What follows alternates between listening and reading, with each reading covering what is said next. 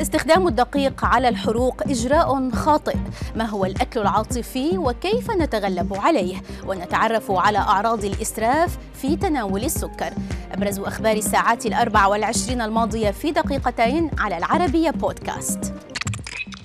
اجتاحت مواقع التواصل الاجتماعي قبل فترة منشورات عن فعالية الدقيق كعلاج للحروق، لكن الأطباء خرجوا للتحذير من خطورة هذا الإجراء وما قد ينتج عنه من مضاعفات لا تحمد عقباها. وأوضح بروفيسور في جامعة بانكوك أن أول خطوة يتعين القيام بها بعد التعرض لحرق هي تنظيف منطقة الإصابة بالمياه وتجفيفها بعناية مضيفا أن وضع الدقيق قد يلوث منطقة الحرق ويزيد الوضع سوءا.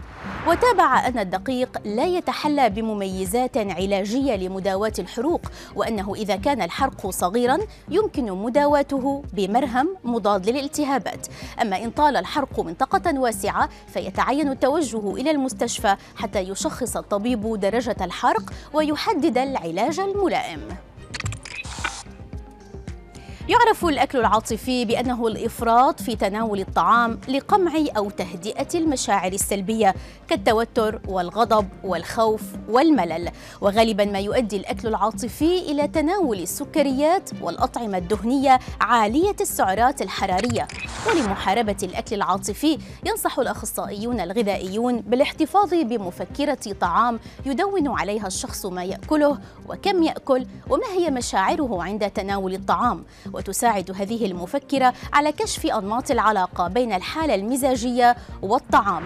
كما ينصح الخبراء بفحص الأشخاص لحقيقة شعورهم بالجوع وتحديد ما إذا كان الجوع جسديا أم عاطفيا.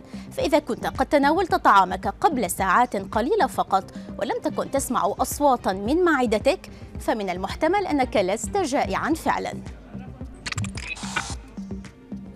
يتميز شهر رمضان المبارك بمأكولاته الشهية ولا غنى فيه من تذوق حلوياته المتنوعة. لكن الاستمتاع بحلويات رمضان يجب أن يكون بطريقة واعية وعقلانية دون إسراف أو حرمان أو شعور بالتخمة.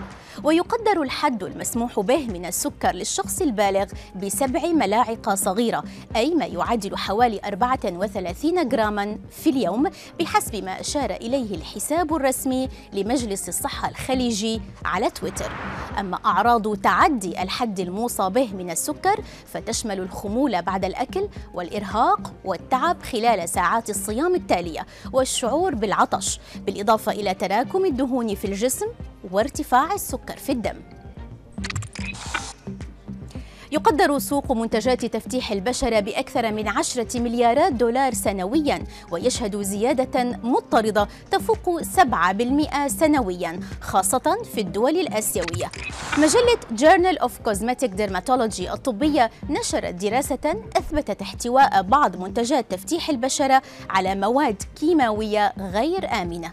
ويعتبر الهيدروكينون العنصر الأكثر استخداما في تفتيح البشرة وتقول إدارة الغذاء والدواء الأمريكية FDA إن نسبة الهيدروكينون يجب ألا تتجاوز 2% لذلك ينصح بقراءة الملصقات على مستحضرات تفتيح البشرة وإذا كان المستحضر يحتوي على مادة الهيدروكينون لكنه لا يذكر مقدار نسبة ما يحتويه منها.